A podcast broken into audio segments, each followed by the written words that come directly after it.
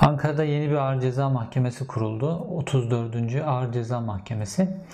Ankara'da 33 tane ağır ceza mahkemesi var zaten. Bu 34. mahkemenin özelliği ise sadece bir kurumun davalarına bakacak. Milli İstihbarat Teşkilatı'nın davalarına. Bu dünya hukuk tarihinde de bir ilk. Ee, sadece bir kurumun davalarına bakmak için görevlendirilmiş bir mahkeme. Normalde 7 Şubat MİT krizinden sonra e, MİT müsteşarını Hakan Fidan'ı ve MİT personelini korumak için bayağı güçlü yasalar çıkartılmıştı. Sonra Cumhurbaşkanlığı sistemine geçirilince bu yasalar daha da güçlendirildi. MİT neredeyse böyle yargılanamaz, dokunulamaz bir kurum haline getirildi. İşte bütün yargılamalar Cumhurbaşkanı iznine bağlı vesaire.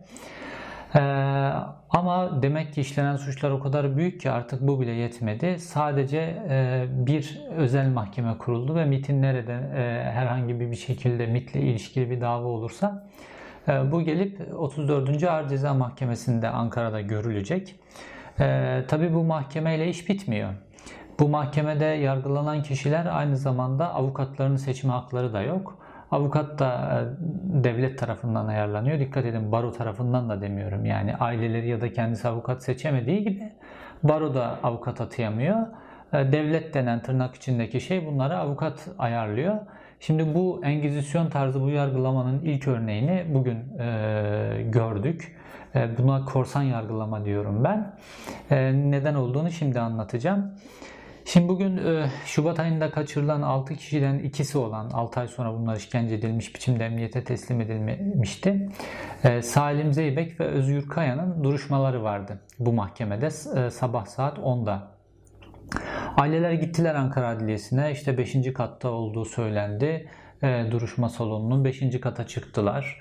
34. Ağır Ceza Mahkemesi'nin duruşma salonuna. Duruşma salonunun kapısı kilitliydi. Bu sırada CHP Milletvekili Sezgin Tanrıkulu geldi.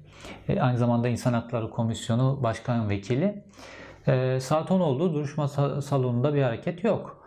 E, tabii yaz işlerine gittiler. Bugün bu saatte burada yargılama vardı diye. Yaz işlerinden bir bilgi alamıyorlar. Daha sonra verilen bilgi mahkeme başkanı duruşmanın nerede yapıldığının hiç kimseye söylenmemesi yönünde bir karar almış. Normalde aslına bakarsanız Türkiye'de gizli duruşmalar oluyor. Hani belli hassasiyetler nedeniyle bazı duruşmalar kapalı yapılıyor. Fakat bir duruşmanın kapalı yapılabilmesi için onun normal avukatlar ailesinin huzurunda vesaire bir karar alınması lazım. Duruşmanın bundan sonra kapalı yapılması gerekiyor diye. Ee, ondan sonra işte salon boşaltılır vesaire.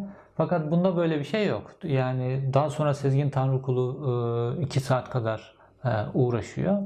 E, fakat Ankara Adliyesi'nde bu yargılamanın yapıldığına dair hiçbir emare yok. Ankara Adliyesi'nde böyle bir yargılama yok. Fakat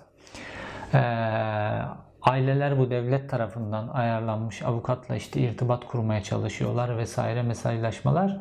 Ve avukat diyor ki biz şu an duruşmadayız. Duruşma devam ediyor ama nerede? Yani düşünün öyle bir avukat ki e, bu aileye daha duruşmanın nerede olduğunu dahi söylemiyor.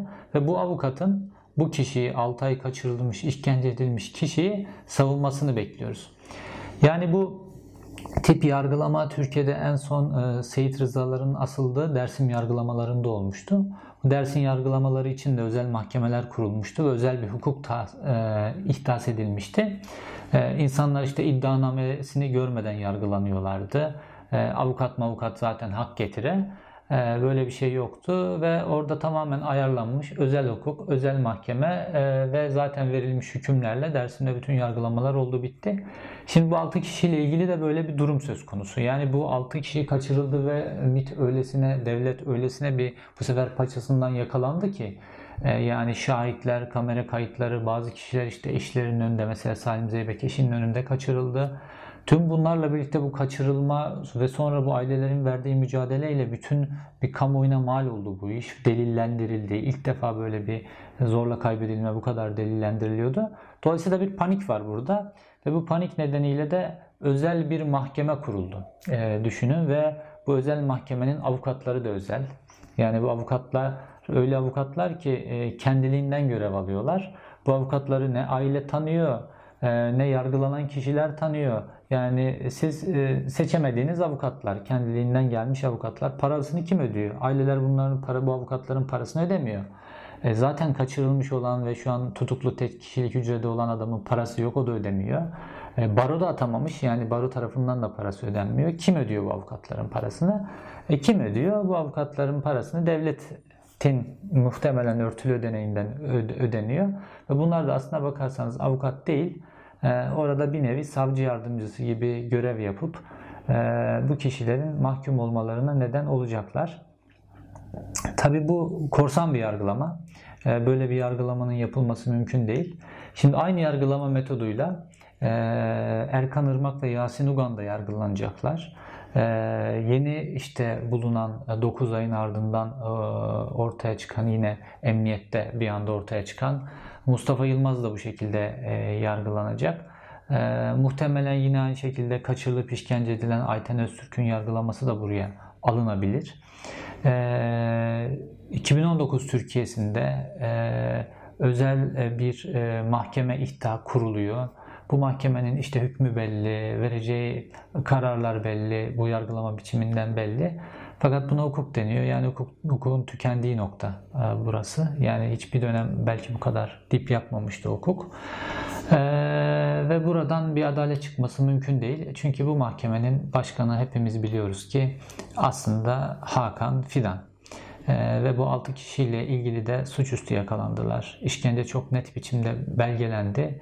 Bunu kapatmanın tek yolu e, işte böylesine mahkemenin de özel olduğu, hakimin de sizden olduğu, avukatın da sizden olduğu ve savcının zaten sizden olduğu e, bir mahkeme modeliydi. Şimdi bunu hayata geçiriyorlar. Ama bunların hepsi kayıtlara çok açık, net bir biçimde geçiyor.